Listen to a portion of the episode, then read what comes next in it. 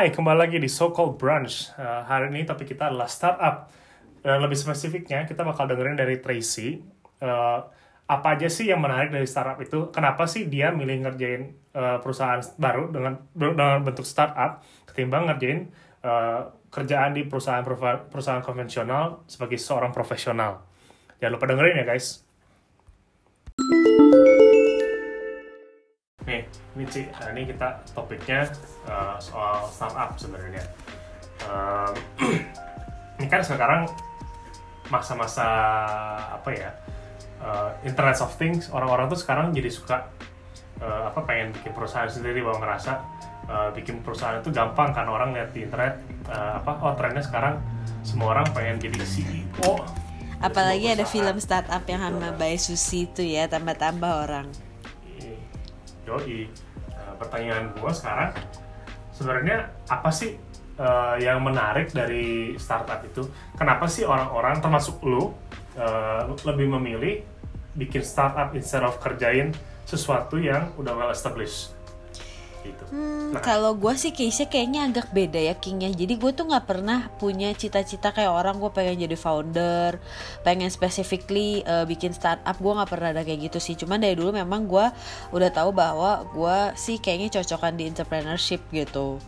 Nah, this and that pas perjalanan gue mau bangun bisnis ya gue ketemu bikin startup ini gitu. Tadinya mah gak kepikir sama sekali untuk jadi se seorang founder sebuah startup sih King. Terus terang ya, jadi uh, kan banyak ya kalau orang zaman sekarang kayak gue pengen jadi founder terus kayak langsung berpikirannya gue bisa uh, buat apa ya. Menurut gue cara pikir kayak gitu salah sih kayak lu menetapkan suatu posisi bukan instead of the business or the product. Kalau kayak gue kan memang kebetulan gue menemukan produk seperti itu yang mau gue buat dan the build the business ya nggak sengaja jadi itu masuknya startup gitu itu sih ya menurut gue uh, orang-orang banyak yang salah persepsinya gitu. Dan jadi karena udah persepsinya salah gitu ya uh, terlalu menurut gue juga nih ya, di lain sisi gitu. Kemarin gue baru banget nih jadi sebuah pembicara gitulah di kayak uh, kelas yang pengen ngomongin tentang startup tentang entrepreneurship. Gue selalu ngomong kayak orang zaman sekarang tuh terlalu melebih-lebihkan tentang uh, startup CEO and founder and staff gitu.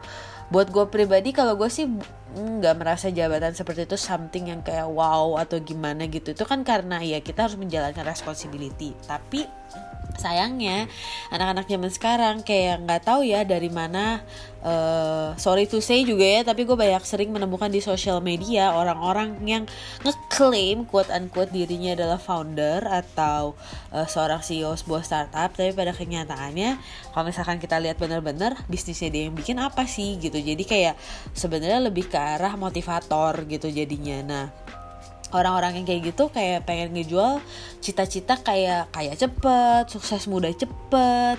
Dan jadi banyak anak-anak zaman sekarang yang generasi instan ini ya jadi ngelihat oh kayaknya kalau jadi startup tuh uh, bakal bisa kaya cepet which is true kalau sukses gitu ya. Memang ada cerita kalau misalkan uh, dibanding perusahaan konvensional unicorn unicorn zaman sekarang jauh lebih cepat dalam waktu 10 tahun mereka udah bisa nyaingin perusahaan konglomerasi yang lebih dari 50 tahun, lebih dari 30 tahun gitu beroperasi mereka dalam waktu 10 tahun. Tapi kan itu jumlahnya berapa? Nggak nggak even sampai satu persen gitu dari dari seluruh startup yang dibuat yang ada gitu tuh nggak even satu persen gitu jadi itu kayak bener-bener sempilan yang kayak kecil banget lah gitu persentasenya jadi uh, ya itu sih yang kadang-kadang gue pengen nekanin ke orang-orang zaman sekarang janganlah terlalu termakan kayak gitu dan menurut gue pun uh, eh, gue kan juga dulu pernah uh, bekerja sebagai profesional ya di perusahaan besar juga gitu. Sebagai profesional juga nggak jelek gitu. Kayak kita kan harus tahu masing-masing kayak keahlian kita ya masing-masing. Even profesional pun banyaknya penghasilannya lebih besar daripada CEO and founder. Apalagi kalau yang baru early stage gitu kan. Lebih pasti tiap bulan cuma mikirinnya kayak ya uh, di luar kerjaannya bukan mikirin gaji orang tapi lebih ke arah kita dapat gaji gitu kan. Sedangkan kalau misalkan entrepreneur ya kita harus siap dengan tanggal-tanggal gajian itu kita harus ngegaji orang gitu. Dan itu tuh nggak menurut gue gue nggak pernah ngomong kalau orang kayak gimana kah caranya jadi CEO atau founder? Mau kayak mau cepet sukses? Aku bilang tunggu dulu tahu nggak sih sebenarnya perjalanan startup seperti apa kayak roller coasternya up and downnya kayak apa? The only certain things is just uncertainty Nah, itu makanya banyak anak-anak sekarang tuh stres. Karena mereka ekspektasinya kayak nggak sama sama yang mereka pikirin gitu. Bahkan gue pun nonton film startup tuh kayak yang si Bayi Susi ini walaupun in some way ada benernya. Gue lebih uh, lebih cenderung uh, melihat kalau seorang founder tuh lebih cocok si sisternya dia tuh si ha Kang Hana itu dibanding si Bayi Susi ini kalau di startup jadi kayak nggak mungkin lah semudah itu yang kayak di film-film itu tuh nggak ada lah ceritanya kayak gitu toh buktinya pas uh, apa uh, struggle ya si Susi pas tiga tahun itu kan nggak disorot nggak dikasih lihat di film terus loncat tiga tahun kemudian hmm. gitu kan.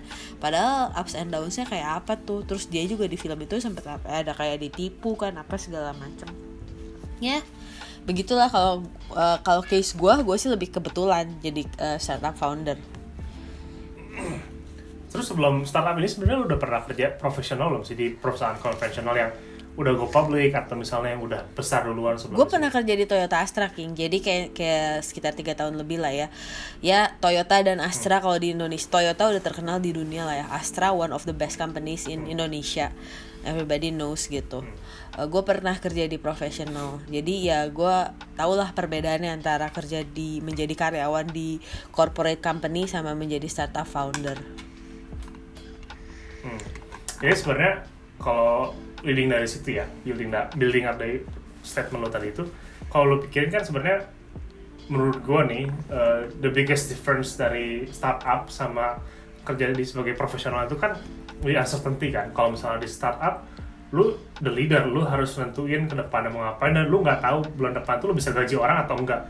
Itu kan lu tuh deg-degan di situ kan roller coasternya kan. Sementara kalau lu kerja profesional uh, lu tinggal nunggu gaji lu datang bulan depan dan lu beresin kerjaan yang dikasih Betul. bos lu bener gak sih? More or less kayak gitu. Nah itu kan sebenarnya yang menurut gua banyak orang nggak ngerti bahwa sebenarnya startup itu nggak semata-mata oh gue bikin perusahaan. Dah kita bikin aja apa aja gitu. Kita pikirin idenya belakangan. Nah itu itu yang banyak. Dan ini juga apa ya sa things yang gue get gitu ya dari terutama kayak generasi yang lebih muda. Walaupun gue juga termasuk masih masuk milenial gitu ya tapi kan ada yang lebih muda lagi tuh yang X Y or Z. Gen ya Z Gen Z itulah gue nggak yeah. tahu nama persisnya.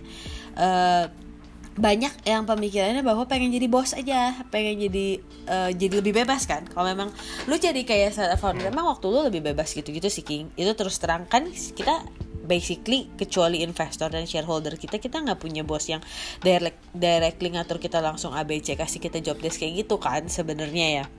That's true, tapi hmm. sebenarnya itu yang harus dibedain between a boss sama a leader gitu uh, kalau kita jadi startup founder tuh menurut gue tuh kita paling capek loh di perusahaan gitu not the other way around Harusnya. banyak orang yang berpikir oh kan waktu hmm. gue lebih enak ya terus gue kan kayak CEO kan kayak bosnya padahal dia nggak tahu aja for, kayak gue pribadi gitu ya gue bilang for me is that there's hmm. no difference between weekday or weekend kayak ada aja kerjaannya hmm. di weekend gitu terus kayak uh, dipakai mikir terus otaknya segala macem nah dan itu hmm. kayak uh, kita selalu ha selalu harus siap dengan the worst case scenario bangkrut gagal. Kayak itu things uh, mungkin banget happen gitu. Dan nggak siap gitu dianggapnya kalau kita udah berusaha uh, dan kita udah ngatur segala udah pasti gitu uh, sampai ke tujuan. Enggak variabel kan banyak banget gitu. Nah yang seperti itu tuh kayak banyak kan yang ngesetnya cuman yang very very positif output aja gitu itu sebenarnya ini gak sih? Uh, orang tuh mikirnya bahwa CEO itu the boss itu kerjanya paling sedikit. Padahal kalau lu lu tau gaya Kawasaki nggak? Yeah. Tau gaya Kawasaki kan dia pernah ngasih ini lu speech katanya kalau yang namanya CEO knows how to demo. Jadi CEO-nya itu sebenarnya harus yang paling pinter di perusahaan itu. Bukan paling pinter sih dia yang tahu hampir hampir segalanya gitu loh. Dan yang paling banyak mikir gimana ke depannya perusahaan mesti ngapain gitu loh. Nah itu menurut gua salah persepsinya orang-orang Nah, pertanyaan gue gini sih. Sekarang bandingin startup sama bisnis konvensional nih, kalau lu pikirin, um, misalnya ya, nyokap gue kan punya bakery nih. Itu kan sebenarnya bisnis konvensional kan. Dia mulai dari, oh gue gue gue suka bikin kue, maka gue coba jualin, eh ternyata laku. Gue bukalah toko kue. Sekarang bedanya bisnis konvensional gitu sama startup, misalnya orang yang uh, punya ide besar, misalnya gue pengen buka AI uh, assisted uh, taxing system kayak lo high pajak misalnya bedanya apa sih startup sama bisnis konvensional yang baru okay. mulai? Sebenarnya uh, bisnis tuh basically startup dan bisnis konvensional as a bisnis sama aja king. Cuman yang membedakan startup hmm. sama bisnis konvensional adalah satu, uh, biasanya produknya startup itu never exist before. Jadi kayak ya ini sesuatu yang baru. Jadi kalau kita mau benchmarking tuh kita nggak pernah bisa 100% benchmarking ke yang sudah ada gitu. Karena even ya misalkan uh, kita uh, produk di Indonesia startupnya ada yang ngikutin sama produk di Amerika. Gojek aja contohnya gitu atau Grab, Grab eh sorry hmm. Gojek lah ya ngikutin kayak Uber apa segala macem gitu kan. Hmm. tapi kan tetap aja gitu culture di sini beda segala macam harus uh, nyesuaiin lagi. Tapi kan sebenarnya bisnis seperti itu nggak pernah ada sebelumnya gitu dengan menggunakan aplikasi terus kita masuk ke mobil yang kita nggak kenal orangnya segala macem gitu tanpa uh, beda lagi kalau taksi. Taksi kan kayak ada kelihatan gitu ya. Nah itu sih uh, pertama bedanya uh, startup tuh kayak gitu nggak pernah eksis uh, bisnisnya sebelumnya. Kedua ya pasti pakai teknologi. Ini yang suka salah nih.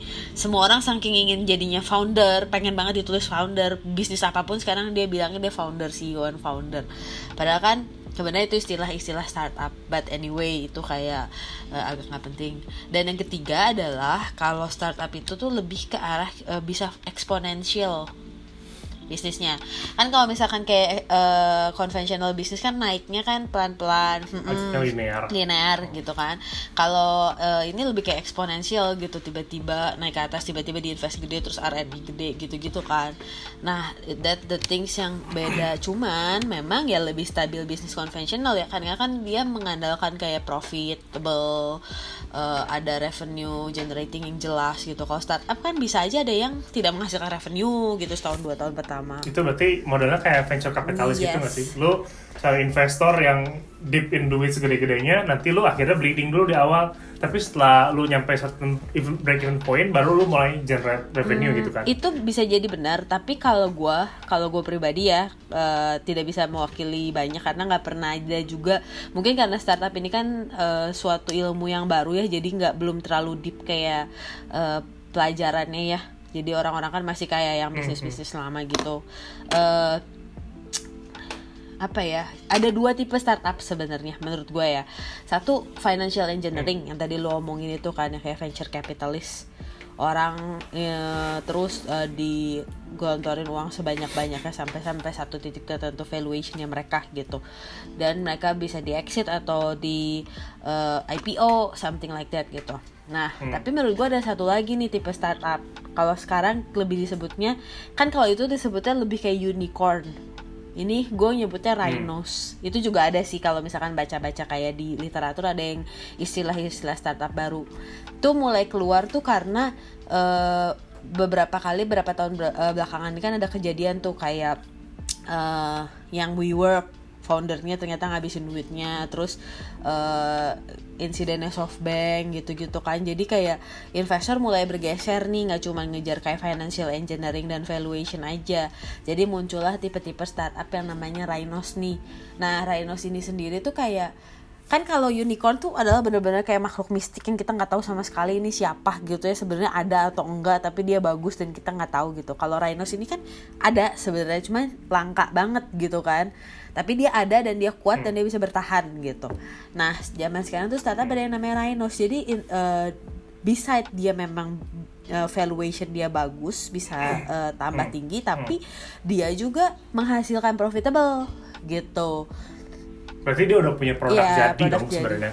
Dibandingkan kayak yang Rhinos itu kan uh, produknya udah udah udah develop lu tinggal mulai marketing lah atau mulai production line. Tapi kalau yang unicorn itu kayak sesuatu yang masih beta testing hmm, masih nggak juga itu. sih uh, King. Sebenarnya kalau yang unicorn pun sebenarnya mereka punya beberapa data yang udah jadi ya. Cok for example gitu hmm. gitu ya kalau gue sebutin misalkan Indonesia aja lah yang gampang ya Gojek Tokopedia. Sampai sekarang kalau secara pembukuan nggak pernah benar-benar untung kan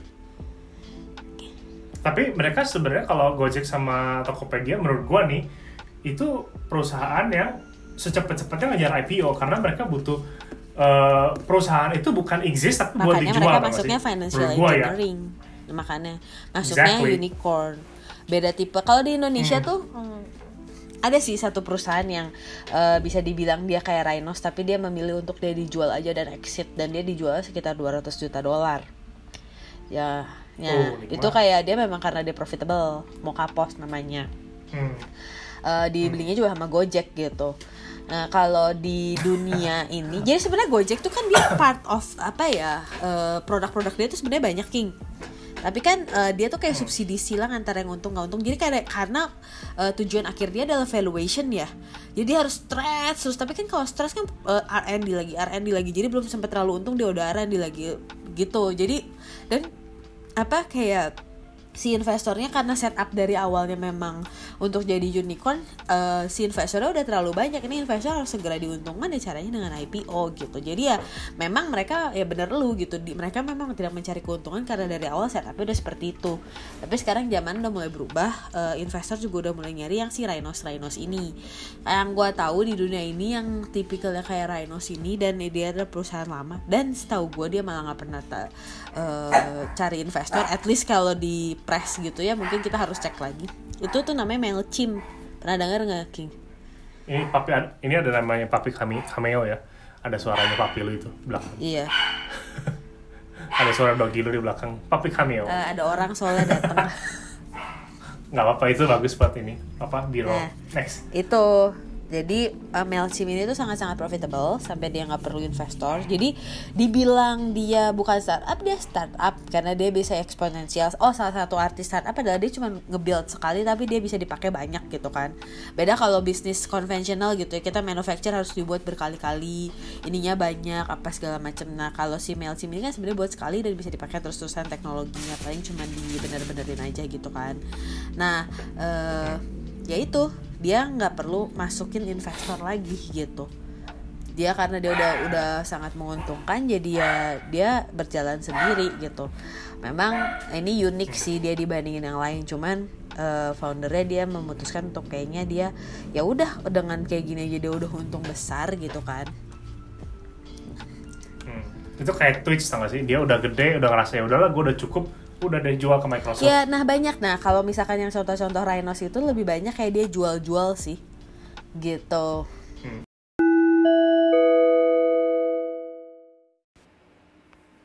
Hai, jadi sampai sini dulu pembicaraan kita soal startup. Kita bakal balik lagi minggu depan, masih lanjutin ngomongin soal startup bersama Tracy di So Called Brunch. Bye-bye.